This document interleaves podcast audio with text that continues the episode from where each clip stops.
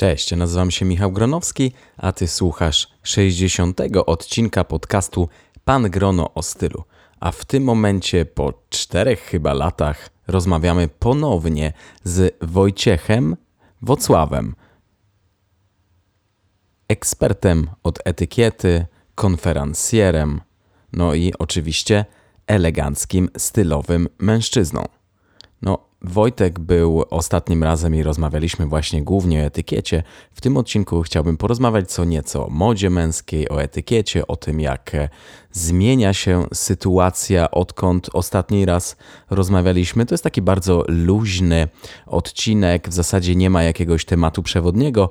Porozmawiamy też trochę o targach mody męskiej, e, Piti Uomo, bo Wojtek był już na nich dwa razy i na tych edycjach, na których akurat mnie nie było. No więc e, już bez przedłużania zapraszam do słuchania, a uwaga, ten odcinek e, będzie e, miał w zasadzie dwie części, dlatego że nasza rozmowa była po prostu tak długa, że stwierdziłem, że nie mogę zamieścić prawie dwugodzinnego odcinka, więc podzieliłem ten odcinek na jeszcze dodatkowe dwa odcinki. Mam nadzieję, że przesłuchacie je oba. No dobrze, wchodzi intro i zapraszam do słuchania mojej rozmowy z Wojciechem Wocławem.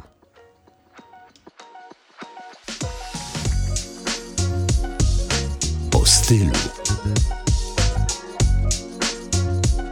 Mej elegancji i metody rozsądnego budowania garderoby. Gronowski.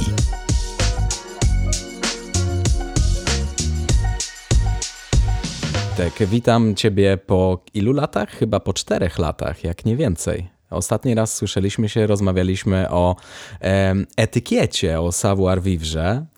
To było jak jeszcze mieszkałem w małym miasteczku w Szwecji, teraz mieszkam w Sztokholmie. Cześć.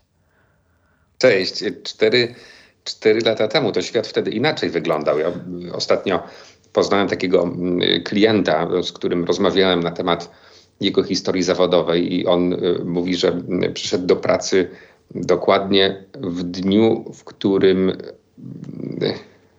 y, samoloty wleciały w dwie wieże World Trade Center w tak. Nowym Jorku. I mówi, przyszedłem do pracy rano, kiedy świat był inny. Wychodziłem w tak. momencie, kiedy świat nie był już taki. E, I tak sobie myślę dzisiaj o tym, że jak my się spotykamy, to troszkę też możemy powiedzieć o tym samym, bo cztery lata temu widzieliśmy Pandemia. się przed pandemią. Jak, jak, jak, jak Było to przed pandemią? Myślę, nie? Chyba tak. No właśnie A teraz, nie jestem pewien. No, tak czy inaczej, cztery lata temu tak. świat był inny niż jest dziś. Dokładnie, dokładnie i w ogóle nasze życie inaczej wyglądało. No, to bardzo, bardzo ciekawe. Ja pracowałem wtedy, malowałem profile aluminiowe, a dzisiaj pracuję w biurze i mogę ubierać się wreszcie w garnitury. A jeśli chodzi o garnitury, to ja wiem, że w tym roku e, był twój pierwszy raz, bo no, ty zajmujesz się etykietą, ale z, z etykietą wiąże się też wizerunek i to wizerunek zewnętrzny. E, garnitury, krawaty. Pierwszy raz w tym roku byłeś we Florencji na targach Pitti Uomo. W tym roku, w 2024, już po raz drugi na zimowej edycji, natomiast po raz pierwszy byłem w poprzednim roku, czyli w 2023, ale to na przełomie lat zawsze się to miesza wszystko, więc, mhm. więc stąd może ta, ta informacja. Letnia edycja, czerwiec 2023 roku, to była pierwsza wizyta we Florencji, a druga teraz mm, w styczniu na zimowej edycji. A, dokładnie. Oj, to przegapiłem, że byłeś też latem. I powiedz mi, jakie, jak wrażenia? Bo ja widziałem, że tam brylowaliście z chłopakami z marki Herse.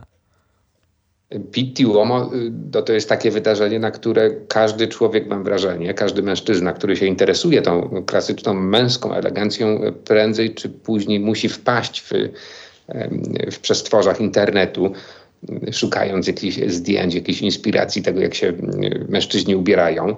No i tak było ze mną też wiele lat temu, jak się tym tematem zacząłem interesować, w pewnym momencie zobaczyłem zdjęcie takich kolorowych ptaków, um, ludzi, których w pierwszym momencie w ogóle nie potrafiłem jakoś zdekodować, bo sobie myślę, że no, z jednej strony są poubierani no, tak klasycznie, mają na sobie garnitury, koszule, krawaty, Oksfordy, derby i tak dalej, a z drugiej strony no, wyglądają jak kolorowe ptaki, jak z jakiejś bajki, jakiejś baśni po prostu. Każdy oryginalny, jakoś wyjątkowy. No oczywiście jest też tam napity pewien taki margines już zupełnego szaleństwa i takiej próby szokowania wszystkich. No i w końcu przyszedł ten dzień, kiedy dostałem propozycję od marki Herse. To było jeszcze w, w zeszłym roku, w 2023, na chwilę przed tym, zanim się ta marka ujawniła. E, I wtedy jechaliśmy tam pod taką nazwą projekt 1868. Właśnie, to jest, dokładnie, teraz pamiętam. To jest, to jest nazwa która bierze się z roku założenia marki Herse, bo to jeszcze XIX wiek. No i już na, na żywo, tam na miejscu, potwierdziło się to wszystko, co widziałem wcześniej na zdjęciach. No muszę powiedzieć, że y, zrobiło to wydarzenie na mnie wrażenie ogromne chyba, bo y, pamiętam, że ten pierwszego dnia i to mnie nawet zdziwiło, bo ja od y, prawie 20 lat pracuję zawodowo na scenie, prowadzę wydarzenia i nie mam żadnego kłopotu z tym, żeby wychodzić przed ludzi i, być na tej scenie. A tam pamiętam po tym pierwszym dniu, y, miałem takie, znaczy pomyślałem, że musia, musiało to na mnie zrobić solidne wrażenie, bo jakoś taki byłem przytłoczony ogromem wrażeń, bodźców, kolorów, osobowości też, które tam które tam były jakoś może tak przejęte tym, tym wszystkim. Zawstydziło cię to? Już... Zawstydziło cię nie, to? Nie, to bym nie powiedział, że zawstydziło. E, e, myślę, że o coś innego chodziło chyba. Pierwszego dnia, podczas pierwszej wizyty na Pitti, chyba trochę byłem przejęty swoją rolą. To znaczy, wydawało mi się, że to jest coś takiego szalenie ważnego, nie? że się tam jedzie, pokazać właśnie te ubrania i tak dalej, że rzeczywiście inni ludzie e, będą nas oceniać, jakoś tak lustrować patrzeć na nas, mierzyć z góry do dołu. Mm, I y, zauważyłem, jak bardzo się to zmieniło, kiedy byłem teraz po raz drugi i spotkałem już wielu ludzi, których poznałem pół roku wcześniej. To zresztą też mm, z częścią tych ludzi mm, znałem się z internetu, z Instagrama. Instagrama i tak dalej. No więc y, tym razem zauważyłem, że to jest rzeczywiście tej zimowej edycji takie święto ludzi, którzy się interesują tym samym, którzy się nagle odnajdują we własnym sosie, we własnym towarzystwie, w którym nie muszą nikomu niczego tłumaczyć, usprawiedliwiać się, tak jak to często bywa w tych naszym e, codziennym otoczeniu. No ile razy, ja może już teraz w tym moim najbliższym otoczeniu rzadziej to, mm. to pytanie słyszę, no ale przez lata słyszałem wiele razy, po co ty ten krawat nosisz, tę marynarkę, po co się czy, tak czy, czy, czy idziesz na jakieś wesele? No właśnie, nie? wyluzuj się, dzisiaj, są, dzisiaj już nie takie czasy, a tutaj nagle przyjeżdżają na pitti ludzie, którzy tam zwracają uwagę na jakieś niuanse, jak kieszeń jest cięta, jak rękaw jest wszyty do marynarki, już nie mówiąc o tym, że starają się jakoś fantazyjnie rzeczywiście zestawić te elementy i po, połączyć wzory tak, żeby stworzyć jakąś fascynującą całość. Tu ich nikt nie pyta o powody, bo te powody są oczywiste. To, to, to jest coś normalnego, po prostu się tym interesujemy, po prostu to jest nasza pasja, po prostu to jest nasz świat. No więc jak się odsączy od tego wszystkiego te zbędne pytania, to zostaje taka sama przyjemność bycia ze sobą, obcowania z tymi ludźmi, z którymi się z którymi jest, jest się z tej samej bajki, nie? z tego samego świata. I to było, to było fantastyczne tym razem, więc jak myślę o tym, że miałbym pojechać tam jeszcze raz, po raz kolejny, e, to to sobie myślę, że byłaby to już tylko i wyłącznie taka wielka, wielka przyjemność, jak ostatnim razem, a nie żaden obowiązek. Wielka przyjemność bycia, spotykania się z tymi ludźmi, z którymi się zna. Co ciekawe, ja miałem w tym roku na Pitti przygotowane dwa zestawy, natomiast trzeciego dnia jak tak się zdarzyło, że miałem jeszcze chwilę czasu, nie miałem żadnych planów, więc pomyślałem sobie, a, chciałem we Florencji pójść do pewnego ogrodu, ale się okazało, że zimową porą był zamknięty, więc miałem chwilę. No i poszedłem na Pitti w swoim płaszczu, który noszę 12 lat, w jakimś zestawie poskładanym z ubrań, które to były w podobnym wieku, a może i starsze, spodniach uszytych u krawca, ale marynarce z, kupionej w sklepie, takim regularnym, zwykłym. E, można tutaj marki wymieniać u ciebie? Można chyba. Spokojnie możesz wszystko wymieniać. Pruchnik, to jeszcze mm. dawna, to kiedyś w ogóle sprzed lat. E, żałuję strasznie, że tego sklepu nie ma, bo myślę, Wraca. że w takim krajobrazie Wraca. Wraca, ale z zupełnie inną ofertą. Tak, niestety. Nie ma z tego, co widzę teraz, właśnie marynarek. Natomiast pamiętam, że, że wtedy 10-12 lat temu, jak kupowałem tam marynarki dwurzędowe, to to na mnie ogromne wrażenie robiło. One świetnie były zrobione. Do dzisiaj zresztą tam jedną czy drugą um, mam. No więc właśnie w, ty, w tych ubraniach poszedłem tego trzeciego dnia i nagle się okazało, że y, tam też chodzą wokół jacyś ludzie, którzy się tym strojem interesują, robią zdjęcia, podoba im się to. Y, I tu jakby też nagle tak y, zrozumiałem, że to się broni, nie? własny styl. Nie tylko to, co jest specjalnie na Pitti przygotowane, ale też to codzienne. Nie? To znaczy, też sobie pomyślałem, że, że rzeczywiście człowiek na co dzień w takiej rzeczywistości Pitti żyje, też Wiesz, interesując się tym wszystkim. Nie? Wydaje mi się, że na początku, jak się jedzie na Pitti, to wszyscy, my wszyscy myślimy, że musimy mieć wszystko dopracowane, że musimy mieć wszystko nowe, wygładzone, wyprasowane, czyściutkie. A kiedyś pamiętam, nie wiem, czy na pewno kojarzysz Guy Bo. On zwykle chodzi w, w kapeluszach e, ze swoją partnerką, bardzo piękną mhm. kobietą, e, która ma taki styl pin-up.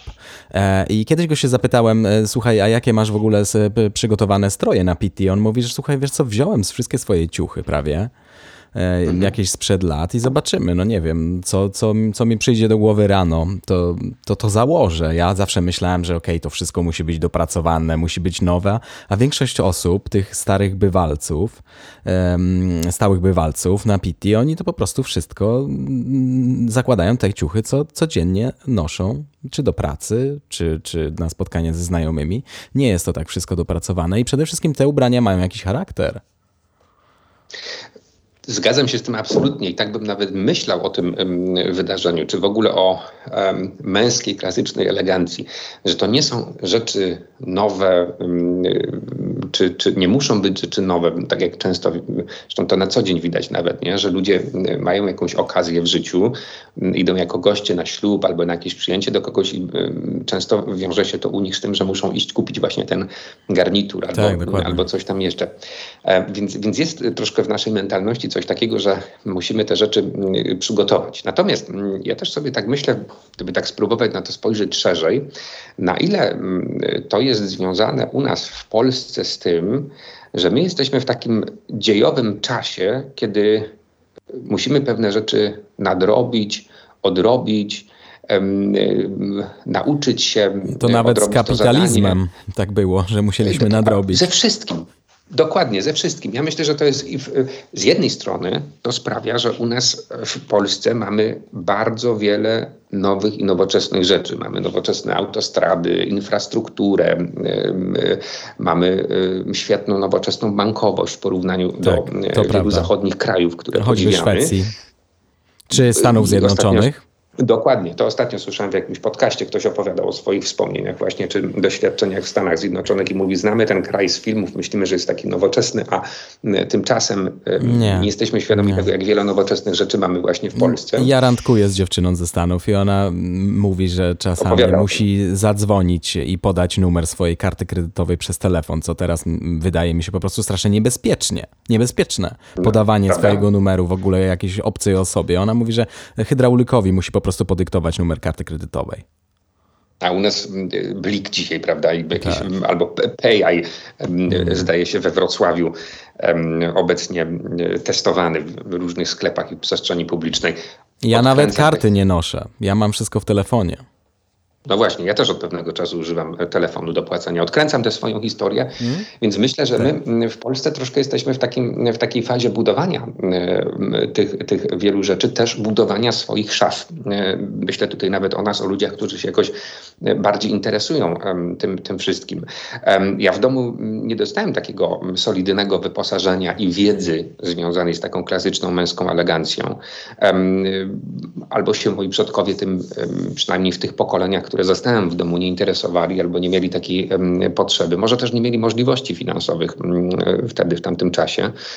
No jak pomyśleć o tym, że moi dziadkowie przeżyli wojnę, a potem e, te, te trudne, okropne czasy komunizmu, PRL-u, kiedy musieli Dom wtedy budowano przecież ponad 20 lat na wsi, więc gdzie ładując wszystkie oszczędności i pieniądze w mhm. takie rzeczy, pracując gdzieś tam fizycznie, mogli myśleć o czymś, o czymś innym. My dzisiaj możemy, więc te szafy budujemy, no i budując te szafy też mamy w nich te nowe garnitury, czy te, takie okazje jak Pittis powodują, że te nowe rzeczy układamy, wkładamy do tych szaf i teraz to nam będzie służyć przez lata.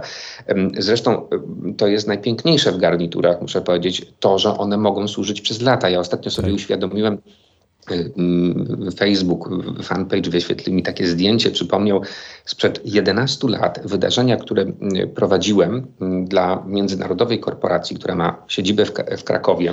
Mm, w tym roku też na początku roku w styczniu prowadziłem to wydarzenie po raz któryś już, bo pracuję z tą firmą chyba 12 albo 13 lat. W każdym razie ten Facebook przypomniał mi to zdjęcie jak stoję na scenie w garniturze, który wtedy, te 13 czy 14 lat temu kupiłem w Lantierze. Pamiętam w Krakowie na ulicy Szpitalnej był e, salon Wistuli, tam był taki kącik marki Lantier i wisiała wisiał dwurzędowy garnitur. Wtedy to była rzadkość, nie było tak. tak. Jak ja zobaczyłem ten garnitur, okazało się, że to był jakiś mm, e, taki jeden, jedyny e, model, który tam wisiał akurat na mnie w jakiejś świetnej promocyjnej cenie.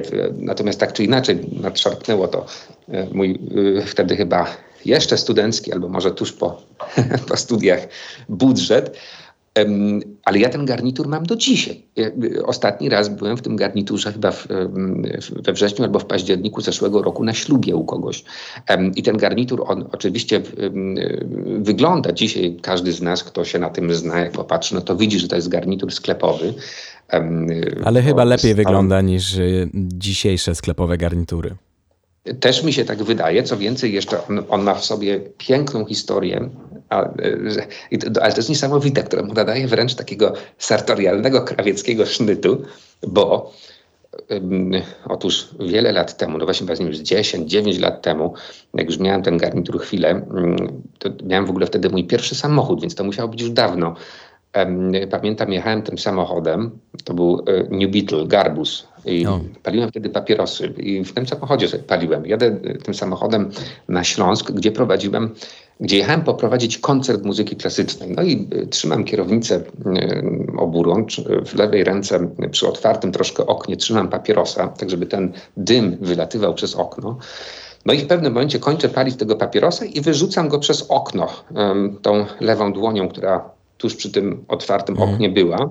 No i zawsze mi się to udawało. Natomiast tym razem widzę, jak w zwolnionym tempie w lusterku ten papieros wypadł, ale wraca trochę wyżej e, tym oknem, wpada na tylną kanapę, a ja wyjeżdżając z domu z Krakowa e, jakoś się śpieszyłem, więc ten garnitur, e, nie ubrałem tego garnituru w taki pokrowic z prawdziwego zdarzenia, tylko taką nałożyłem folię, jak się z tak, pralni. pralni. Mhm. No i położyłem ten garnitur na tej tylnej kanapie, ten papieros wylądował na tym garniturze i widzę w lusterku, jak taki dymek, e, jak wąż się unosi po prostu nad tym garniturem. Szybko zjechałem na pobocze. E, no i się okazało, że w tym garniturze w rękawie wypaliła mi się dziurka. E, no i przyjechałem teraz do, na ten Śląsk, poprosiłem tam szybko kogoś, żeby mi to jakoś tam, nie wiem, zacerował, zamalował, cokolwiek, żeby mógł poprowadzić to wydarzenie. Na szczęście publiczność od sceny dzieli trochę, więc nie było tego widać. Ale wyobraź sobie, że e, wróciłem z tym garniturem do Krakowa, poszedłem na ulicę Szpitalną do tego mm, salonu, którego chyba już nie ma, opowiedziałem o tym pani. Pracowała tam taka mm, starsza pani, która podejrzewam jest już na emeryturze. Potem wiele osób mi o niej opowiadało, że miało z nią przebiłe mm, fantastyczne doświadczenia jako klienci mm, tego sklepu. I y, ta pani mówi, proszę się nie martwić, tutaj spróbujemy zaradzić. I ona y, zadzwoniła do fabryki. Nie wiem, czy ta fabryka jeszcze wtedy w Myślenicach była pod Krakowem. Wysłała ten garnitur i oni mi wszyli nowy, nowy rękaw, bo się okazało, że mają jeszcze materiał. No i to była tak niesamowita historia, że w tym garniturze mam wymieniony ten jeden rękaw. Nie, nie różni się to niczym. To ciekawe, no, że mieli tkaninę. Dokładnie, ale to pokazuje też całe piękno e, tego, czym jest krawiectwo, czym jest klasyczna elegancja, że My dzisiaj słusznie też nie, chociaż przeginamy czasem w tym, ale mamy takiego bzika na punkcie ekologii mm, i, i, i takiego zrównoważonego podejścia do, do, do, do życia. Ja tak czasem myślę, ile dobrego da się zrobić takim odpowiednim podejściem do ubrań, na przykład tak jak mm. o tym mówimy. Nie? Mam coś, co służy mi 13 lat. Ja teraz mm, we wspomnianym Herse e, uszyłem garnitur, taki, który jest mi potrzebny do mojej pracy, do prowadzenia wydarzeń, między innymi granatowy garnitur trzyczęściowy z kamizelką. I akurat jak go mierzyłem w sklepie, była tam taka para, która się przygotowywała do, do ślubu. Mm. Jak odbierałem, to, to, właśnie ta para mnie w tym garniturze zobaczyła i ten przyszedł narzeczony z narzeczoną, by wybrać garnitur. I oni tam na początku celowali w jakiś mm, brązowy garnitur, bo mm, widzieli to może, nie wiem, na jakichś sesjach zdjęciowych y, ślubów w stylu boho i tak, tak. dalej. Potem jakiś tam kombinowany. I nagle zobaczyli, że ja mam ubrany ten garnitur, dopytują, a który to jest, czy może z wieszaka i zaczyna się rozmowa. I ja mówię temu panu, na co pan potrzebuje ten garnitur? Nie mówię, na ślub, nie? A wie, czy pan chodzi w garniturach na co dzień? Mówi, nie. Ja mówię, to niech pan sobie uszyje taki garnitur, jak ja mam, bo jeśli pan nie przytyje, to będzie go pan miał nawet na własny pogrzeb, do własnej trumny. Y, to jest garnitur na lata, jeśli się tylko tak. o niego odpowiednio dba. I teraz mówię w brązowym garniturze, jak pan wybierze, pójdzie pan na swój ślub, bo będzie w stylu boho, ale już na Sylwestra nie pójdziecie w tym nie. E, garniturze, a na inną wieczorną imprezę. Żadne gale też nie. nie. Dokładnie, bo to do tego nie pasuje. Na zdjęciach będziecie wyglądać tak samo, a ten granatowy garnitur ciemny, on, on jest tak uniwersalny, że nawet gdybyś, gdyby pan chodził codziennie w nim, to nikt nie, nie wpadnie na pomysł, że to jest ten sam garnitur pod warunkiem, że będzie miał inny na przykład krawat czy tak, koszulę. koszulę i tak dalej. Nie? Już nie mówiąc o tym, że trzyczęściowy garnitur daje takie, taką możliwość, że raz mogę chodzić w kamizelce, raz bez, właśnie te różne, różne koszule, krawaty i tak dalej. No jest tu piękna uniwersalność, piękny taki pomysł na odnawianie tego, tego wszystkiego, na, y, na taki powiedzmy recykling wewnętrzny też, nie? Bo jak mi się spodnie zużyją, to mogę jeszcze marynarkę donosić z innymi mm. spodniami, kombinując ją. Albo uszyć kolejne spodnie. Albo uszyć. To zresztą to jest w ogóle fantastyczna rzecz. Myślę, że dla Twoich słuchaczy to są sprawy oczywiste, ale w, ja często to powtarzam i, i, ludzie są tym zaskoczeni, że też kiedyś mi jeden z krawców krakowskich, pan Robert Badura chyba o tym opowiadał, że no, 70 lat temu czy 100 lat temu, jak przychodził mężczyzna do krawca e, szyć garnitur, to zamawiał dwie, a nawet trzy pary spodni. Dalej Dlatego, czasami że... pytają, czy szyjemy dwie pary ja spodni. Tak, ja, ja mam, jak szyłem u pana Badury smoking, to yy, wprawdzie tych drugich spodni jeszcze nie uszyliśmy, ale zamówiłem yy, materiał i w tym roku pójdę do niego te drugie spodnie prawdopodobnie jeszcze uszyć. Yy, właśnie z tego powodu, nie? że mówi, jak y, przychodził mężczyzna do biura na przykład, no to ściąga marynarkę, odwiesza na y, wieszak, marynarka wisi nie? bardzo często nie używamy jej, nie wycieramy tego materiału. Natomiast w spodniach no, siadamy przez cały czas, stoimy, jesteśmy i tak dalej. Więc jest w tym stroju rzeczywiście coś fantastycznego, że, że mm, no i przede wszystkim ja sobie tak myślę czasem, y, ludzie mi tyle razy mówią, czy muszę tyle razy z ludźmi dyskutować na temat tego, że na przykład savoir vivre czy etykieta, którymi się zajmuję, to są zasady, które, które człowieka jakoś zniewalają. Nie? A ja sobie myślę, na przykład weźmy taki, taki, taki dress code, czy tę całą mhm. opowieść o dress-codzie. Bo ja też jeszcze na marginesie, może to będzie potem nasz temat dyskusji, powiem, że często rzeczywiście w kontekście tych dziedzin mówimy o zasadach, ale mhm. ja o wiele bardziej wolę mówić o podpowiedziach. Bo to jest jakby instrukcja obsługi, jak się zachowywać. Dokładnie tak. To jest sprawdzone, tak. jeśli nie wiesz jak się ubrać też, to najlepiej ubrać się klasycznie. Dokładnie tak, to są doku dokładnie te rzeczy. I to pozwala na lenistwo, ale to pozwala na coś jeszcze. To pozwala na pełną wolność. Bo jeśli ja mam mm, rzeczywiście jakiś taki y, sprawdzony, tak jak powiedziałeś, klasyczny wzorzec, który mi gwarantuje może nie to, że ja y, wszystkich wprawię w osłupienie, wyjdę na najbardziej oryginalną postać na mm, imprezie i tak dalej, ale po prostu, będę wyglądać dobrze. Do sytuacji odpowiednio. I tak dalej.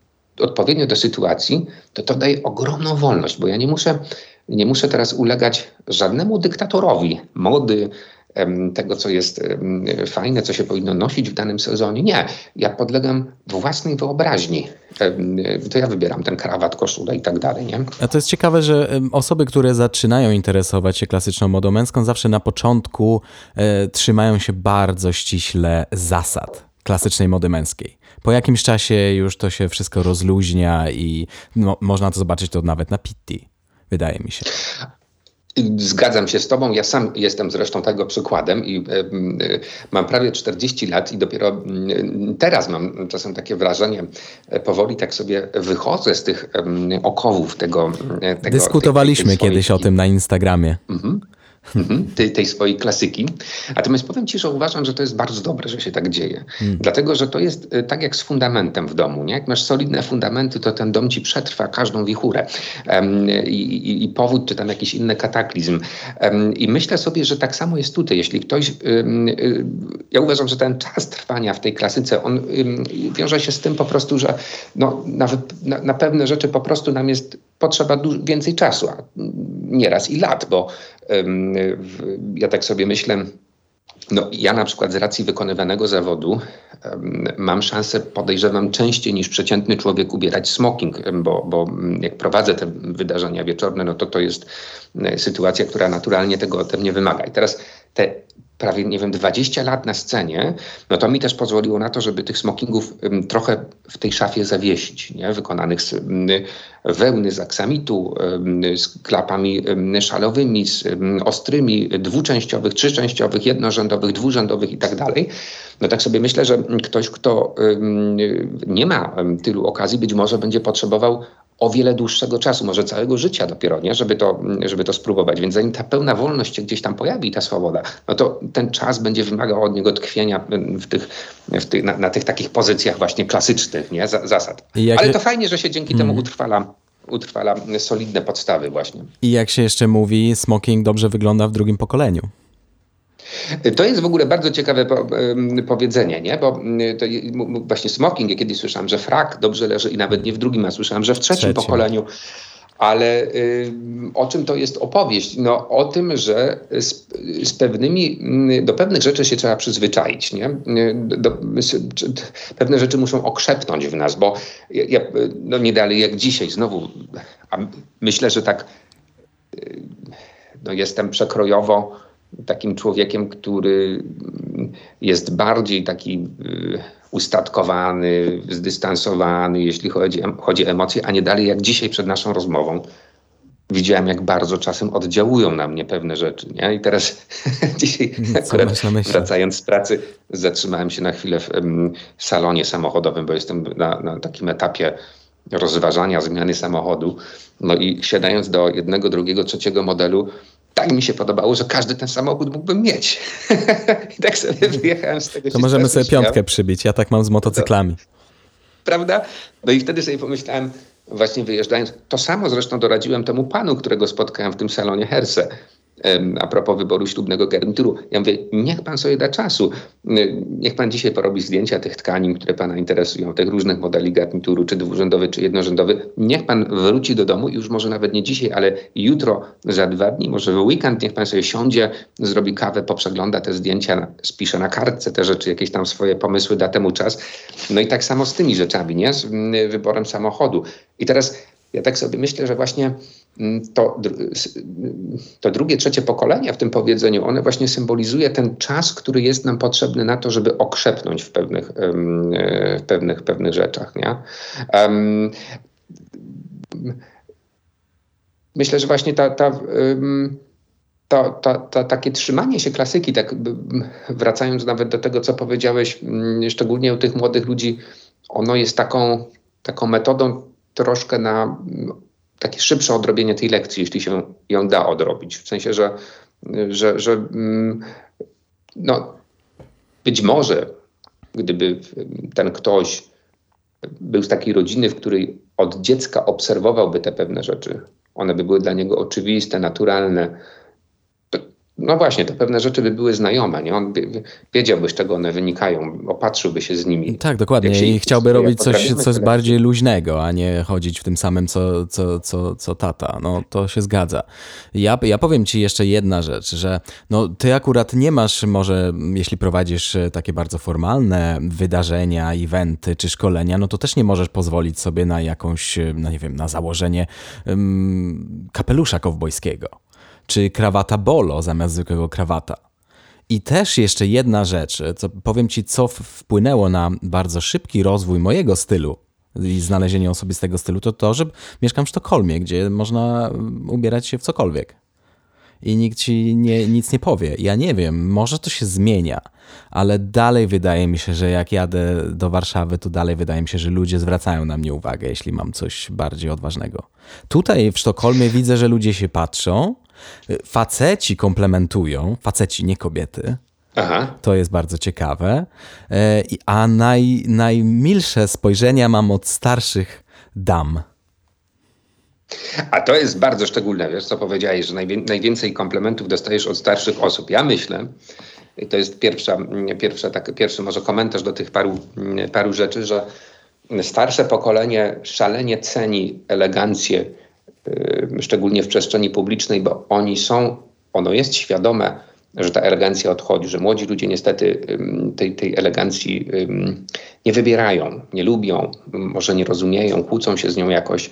Więc jakby widok tego, co dla nich było ważne, tak mi się wydaje, jest jakby takim takim promyczkiem nadziei, nie? albo takim wspomnieniem tego, co. Powrotem do młodości się... też.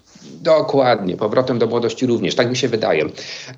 Ja zresztą y, z wieloma starszymi ludźmi, zresztą mam takie szczęście w życiu, że od, od dawna, naprawdę od wczesnego wieku, ale to może też kwestia Śląska, z którego pochodzę, rodziny, w której się wychowałem. Ja mam bardzo dobre relacje ze starszymi ludźmi. Y, przyjaźnię się w, od lat. Y, osobami, które są w wieku moich dziadków na przykład i mamy rzeczywiście, a nie łączy nas rodzina. Zawodowo się tam spotkaliśmy w pewnym momencie na przykład.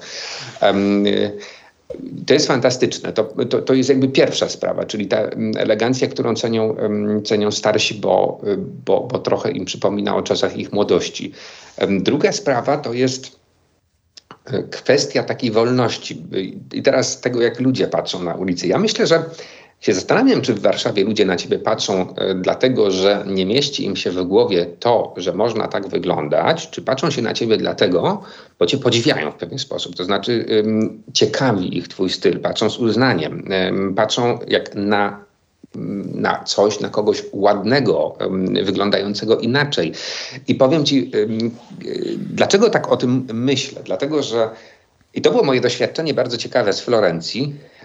I to w zasadzie jak byłem e, i pierwszy raz w czerwcu 2023 roku i teraz drugi raz na początku tego roku. Mm, mianowicie e, wyszedłem na ulicę i dzień przed rozpoczęciem Pitti zacząłem widzieć na ulicy takie pojedyncze punkty ludzi, którzy byłem przekonany przyjechali na Pitti. I teraz pamiętam dokładnie taki pierwszy raz idę ulicą, podnoszę głowę, patrzę, yy, świetnie ubrany facet i myślę sobie, pewno przyjechał na Pitti, zbliżamy się do siebie, yy, podnosimy głowę, uśmiechamy się i, automatycznie ja zadaję mu pytanie Pitti, a on mówi tak, do zobaczenia jutro. E, gdzieś tam dalej idziemy i to samo. E, teraz parę tygodni temu, jak byłem na początku stycznia pierwszego dnia, przyjechałem wieczorem, e, samolot miał opóźnienie, miał być w południe, przyjechałem wieczorem, idę ulicą, poszedłem do takiej restauracji, którą znałem z poprzedniej wizyty coś zjeść, wchodzę, przychodzi pani kelnerka i mówi, pan na Pitti przyjechał, na Pitti. No więc jakby yy, nagle się, i miłe oczywiście słowa i komentarze z jej strony, ale tak sobie pomyślałem, jeśli we Florencji, we Włoszech, to jest wydarzeniem dla ludzi, nie? to być może rzeczywiście ci ludzie, którzy na Pitti przyjeżdżają, że oni się różnią czymś, że oni jednak wyglądają inaczej, że to nasze, to nasze mm, przywiązanie do, mm, do, do, do stroju, ten pietyzm, to jak dbamy o te rzeczy, że to się jednak szalenie chyba dzisiaj na tych ulicach wyróżnia. I teraz jakby jeśli się zwraca na to uwagę, to, to może jednak w taki fajny sposób, taki pogodny, nie piętnujący, tylko taki właśnie z pewnym podziwem, nie? Że, że na fajny samochód, który przejeżdża się spogląda. No to dalej wydaje mi się, że jest jednak rzadkość. Nam, my wyobrażamy sobie, że wszyscy Włosi tak chodzą ubrani, ale nie. Właśnie zawsze mnie śmieszy to, jak e, turyści reagu reagują na mężczyzn, którzy przyjechali na Pitti. Oni wtedy myślą pewnie, że wszyscy mężczyźni we Florencji tak wyglądają. Wiesz co, ja tak sobie pomyślałem teraz, jak mm, o tym opowiadasz, że może to, co się dzieje w naszych czasach, to to, że zanika nam środek tak jak w, zauważ na przykład w debacie e, publicznej, w polityce, coraz mniej jest takich ludzi środka. Zresztą jeśli oni się nawet pojawiają, to się nazywają, obraźliwie się ich nazywa jakimiś tam symetrystami i tak dalej, kimś, kto, nie wiem, jednych usprawiedliwia i drugich nie umie się odpowiedzieć po, każdy, po jakiejś zastronie konkretnej. Mamy jakąś taką plemienność. Mówi się o tym, że niebezpieczną sytuacją w ekonomii czy w gospodarce jest to, że zanika klasa średnia, prawda, że się pojawia coraz większa grupa ludzi bardzo biednych i um, pojawia się czy buduje się ta mała, maleńka grupa ludzi bardzo, bardzo bogatych, którzy z roku na rok stają się coraz bardziej zamożni. Zanika nam znowu środek. I teraz jak popatrzymy na te ubrania, to mam takie wrażenie, że jakbyśmy mieli taki, nie wiem, magiczny miernik stylu może, to z jednej strony mamy takich ludzi, którzy są świetni, którzy są reprezentantami świetnego stylu, takiego wypracowanego w najdrobniejszych szczegółach. Z drugiej strony mamy rzeczywiście bardzo dużo ludzi, którzy. Mm, no i teraz pytanie, czy się po prostu tym nie interesują, czy o to nie dbają, czy wręcz przeciwnie, interesują się dba i o to dbają, ale mają no, wzorce słabej jakości. Gdyby to odnieść do jedzenia, to takim fast foodem się żywią troszkę, nie? Wydaje mi się, że raczej to pierwsze, ale jest też dużo osób, którzy po prostu preferują e, streetwear, czyli bardziej luźniejsze ubrania. Tak. I teraz jakby gdzie, gdzie ja bym szukał tego środka, nie? Może takim środkiem, na przykład, ja pamiętam do dzisiaj swoją wizytę w Madrycie e, parę lat temu, to, może już to było nawet, nie wiem, 8-9 lat temu. Ja nie miałem pojęcia i świadomości, bo się, nigdy Hiszpanii nie kojarzyłem w ten sposób, jak eleganccy byli tam starsi faceci, ale tacy wtedy 50 plus. E, taki przeciętny mężczyzna na ulicy Chinosy, sweterek, koszula i lofersy. To tak jak we Włoszech, starszy, starsi mężczyźni. Dokładnie tak. I oni, piękne kolory tych ubrań, e, przede wszystkim jakieś borda, zielenie, pomarańcze, błękity i tak dalej. No to wyglądało tak elegancko, i to, to był tylko sweterek, koszula i spodnie. To taki styl to... zauważyłbyś w Sztokholmie. My rozmawialiśmy, ciebie jeszcze nie było, ale tutaj mhm. bardzo dużo ludzi jest środka, tacy, tacy, takich, którzy nie chcą się wyróżniać, czyli chinosy. Tutaj ludzie wiedzą, co to są loafersy, wiedzą, co to są tassel loafersy. No, nie było socjalizmu, więc no, to nie zniknęło jakby spółek sklepów. E, też e, są grupy ludzi, którzy na przykład noszą smokingi na wydarzenia. Oczywiście dalej jest to jakby coś wyjątkowego, ale wydaje mi się, że, że tutaj właśnie ludzie mają jakby więcej jest tych ludzi ze środka o których mówisz. Dużo jest też ludzi bardzo alternatywnych. Są takie dzielnice w Sztokholmie, gdzie można spotkać ludzi w piżamie nawet na ulicy, ale nikt nic nie powie. Rozmawiamy mm, w momencie, w którym dzieje się, zdaje się, gala bestsellerów Empiku. Zobaczymy, jak e, będą ubrani goście jutro na zdjęciach. Przypuszczam, że też tych smokingów trochę będzie. Mam nadzieję może, że Albo, albo czegoś, co przypomina smokingi. Albo i, albo i tak. Natomiast w Polsce myślę, to się, to się zmienia. Rzeczywiście, jeśli chodzi o te gale mm, wieczorne, to jak porównać by takie mm, zdjęcia, obrazki sprzed, nie wiem, 10-15 lat i, i, i, i te, z, obecnie z naszych czasów, to myślę, tych pingwinów będzie coraz więcej tam y, na tych, na tych zdjęciach. I dobrze, mm, że tak, że tak się ten krajobraz. W biznesie też to widać rzeczywiście na, na tych wieczornych wydarzeniach, które prowadzę, że, że ludzie przychodzą w smokingu i są w tym odważniejsi. Co innego to. O, i tutaj bym może też powiedział z tej swojej dziedziny, to kwestia komunikacji o tym, w jakich strojach chcemy zaprosić gości, albo co chcemy im zaproponować. A właśnie, właśnie. Ja się nigdy nie spotkałem z tym, żeby był no, dress code napisany. Bardzo, w Polsce. W Polsce się to dzieje coraz częściej. W agencji eventowej, którą mm, prowadzę razem z moją koleżanką, w agencji komunikacji życie, kiedy przygotowujemy jakieś eleganckie wieczorne wydarzenia, a takich robimy najwięcej, to zawsze zachęcamy gospodarzy, naszych klientów, gospodarzy tego wydarzenia, do tego, żeby chcieli, odważyli się w zaproszeniu napisać, jaki dress code proponują gościom. I y, muszę powiedzieć, że w, jeśli tak chodzi o, chodzi o perspektywę ostatnich 10 lat, to w zasadzie nie wiem, czy się zdarzają wątpliwości, jeśli o to chodzi, że nasi klienci nie chcą o tym e, mówić. Raczej chcą, bo e, wydaje mi się, że dzisiaj ludzie już są e, bardzo świadomi tego, że powiedzenie o dreskodzie w zaproszeniu nie jest kwestią zmuszania klienta do czegoś, narzucania klientowi czegoś, tylko jest kwestią podpowiedzenia czy odpowiedzenia klientowi na temu swojemu gościowi na pytanie, które on na pewno zada. No bo my wszyscy wiemy, że jak ktoś Ułatwienia. zaprasza, to się nad tym zastanawia. Dokładnie, to się zastanawiamy, nie? W czym pójść na to wydarzenie. Mm, No i tu y, ważna jest rzecz, że gospodarz musi pamiętać o tym, żeby gościom powiedzieć, żeby po pierwsze samemu sobie odpowiedzieć, jak chciałby przyjść ubrany i wtedy gościom y, zaproponować ten sam strój. Nie może być tak, że jeśli my gościom zaproponujemy jakiś określony strój, to przyjdziemy em, lepiej ubrani od Tak, gości tak. albo Właśnie gorzej. Też, też warto o tym powiedzieć, dlatego że jeśli mamy napisany dress code, to każdy będzie w miarę identycznie ubrany, nikt nie będzie się super wyróżniał i każdy będzie na równi. O to w tym chodzi. Ja zresztą muszę Ci powiedzieć jedną rzecz, że dla mnie, jeśli chodzi o, o savoir vivre i o etykietę, to to jest e, taka opowieść o budowaniu wspólnoty. To nie jest opowieść o em, zabijaniu indywidualizmu. No bo jeśli my popatrzymy na to, że y, dawniej, 100 lat temu albo 200 lat temu etykieta czy savoir vivre były takimi dziedzinami zarezerwowanymi dla klas wyższych, dla arystokracji na przykład i tak dalej, to umówmy się, ale przecież w tych klasach nie brakowało indywidualistów.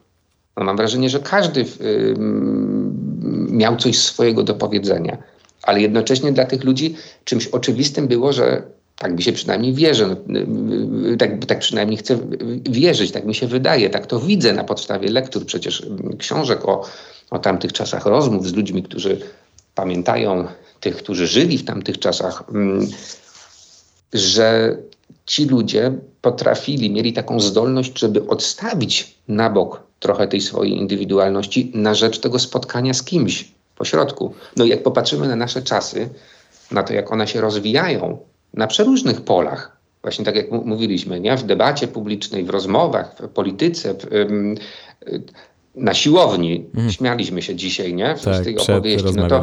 Mm. tak, to, to możemy tę historię przywołać e, za chwilę. W, Tak, tak. w kinie, w teatrze, w sklepie, w parku. No, pytanie, czy potrafimy dzisiaj tę wspólnotę budować? Czy potrafimy odsunąć czasem na bok nasz indywidualizm po to, żeby się spotkać z kimś pośrodku? Ale to też To jest, bardzo, cieka- to jest też bardzo ciekawe, bo, no bo tak jak by, byłeś we Florencji, ja byłem we Florencji, każdy ma na sobie garnitur, a jednak każdy ma inny garnitur i pokazuje swój indywidualizm. O to właśnie chodzi.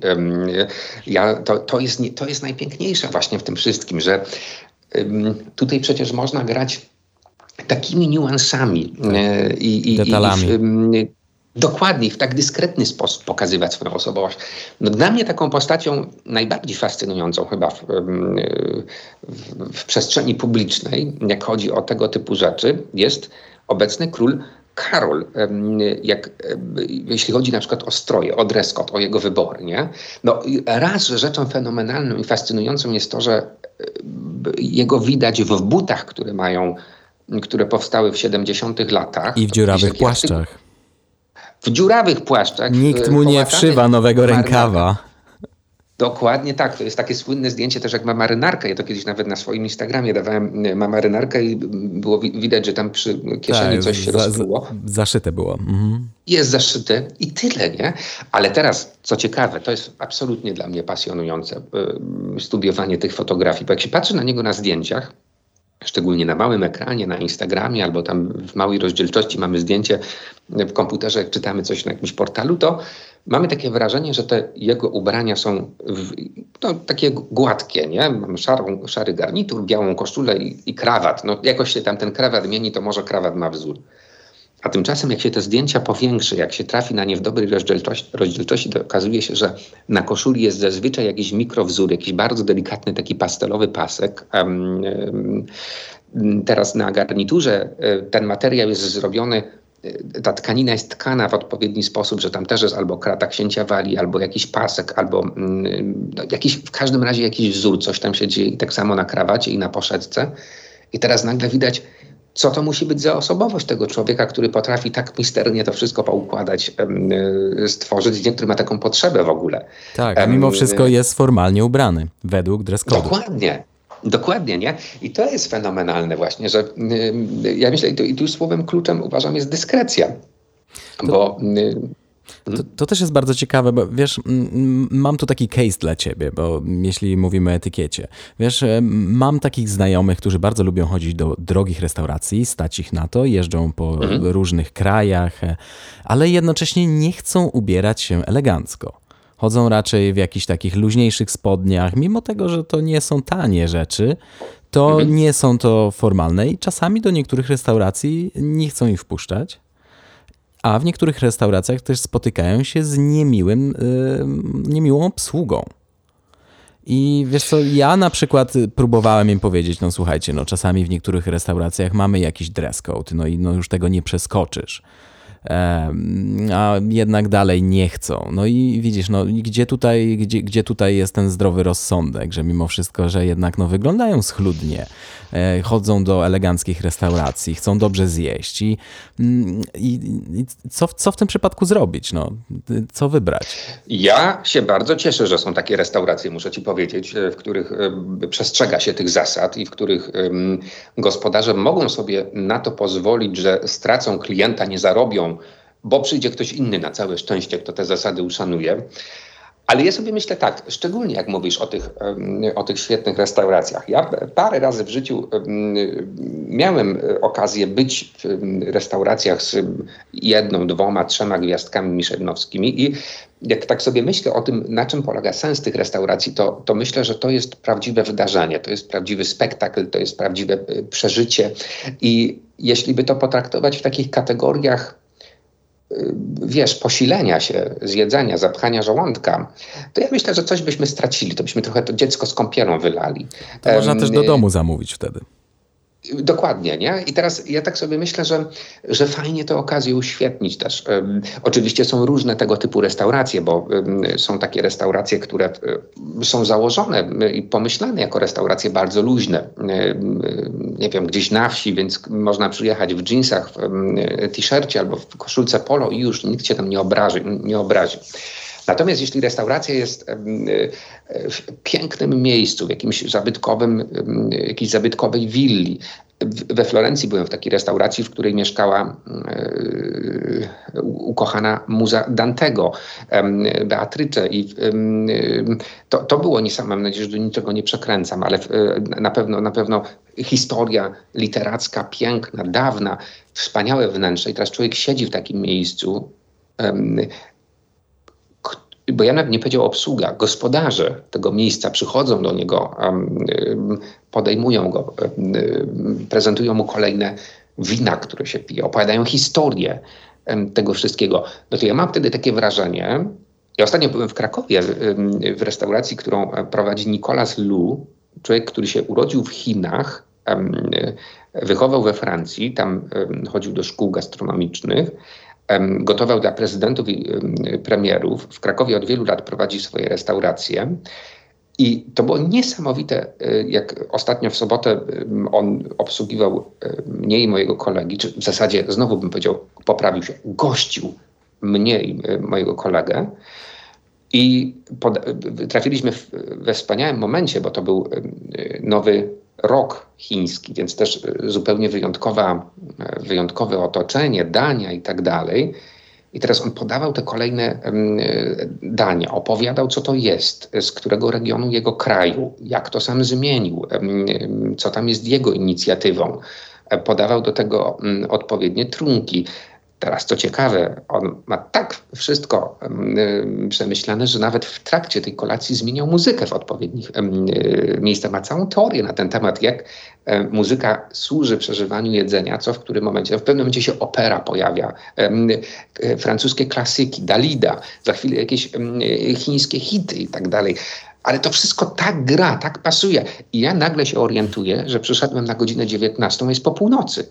Y, no to jest, to jest niesamowite, niesamowite przeżycie, niesamowite wyrażenie. I teraz ja tak sobie myślę, że jeśli mamy takie miejsca, które nam projektują takie wyrażenia, które nas chcą zabrać w pewną podróż, to dajmy się zabrać w tę podróż, nie protestujmy, bo jak protestujemy, jak tkwimy przy swoich przekonaniach, że jak ja chodzę na co dzień w dżinsach i w t-shircie, to na tę kolację też pójdę w dżinsach i t-shircie, to co ty nowego doznajesz, nie? To z jednej strony ci ludzie chodzą do e, tych mędrców, wszystkich coachów, którzy mówią, otwórz się na nowo, gotowe, wybij się ze swoich tam ram, ze swojej stałości i tak dalej, a nie są w stanie ubrać garnituru, nie? No to, to ja mam wrażenie, że to jest jakieś takie okaleczanie siebie trochę. A poza tym uważam, no, że kompetencją człowieka obytego, a to jest piękne słowo, obycie. Człowiek obyty to jest ten, który był w wielu miejscach, nie? dla którego pewne rzeczy, nie dziwią go e, pewne rzeczy. Był nawet tak mentalnie, z lektur to może mieć. Wie, że tak może być na świecie, wie, że świat jest różnorodny, że jest inny, że w tym jest całe piękno tego świata nie boi się tej różnorodności, jest na to otwarty i to go ubogaca, nie? Przez, przez to jest obyty. To jest ciekawy temat, bo wydaje mi się, że jednak e, w Polsce dalej wiele ludzi jest, nie jest tak bardzo obytych i jest e, zamkniętych na nowości. Naszej pierwszej części rozmowy z Wojtkiem Mam nadzieję, że również e, przesłuchasz drugą część. Zapraszam, pojawi się już za tydzień. A jeśli podoba Ci się ten podcast, przesłuchaj więcej odcinków. Możesz również postawić mi wirtualną kawę. Link znajdziesz oczywiście w opisie do tego odcinka. Zapraszam również na mój YouTube i mój Instagram. Tam znajdziecie mnie pod linkiem, pod nickiem MR grono. Oczywiście wszystkie linki zamieszczam również w opisie do każdego odcinka podcastu. Zapraszam do słuchania, a tym razem już dziękuję za Twoją uwagę. Cześć.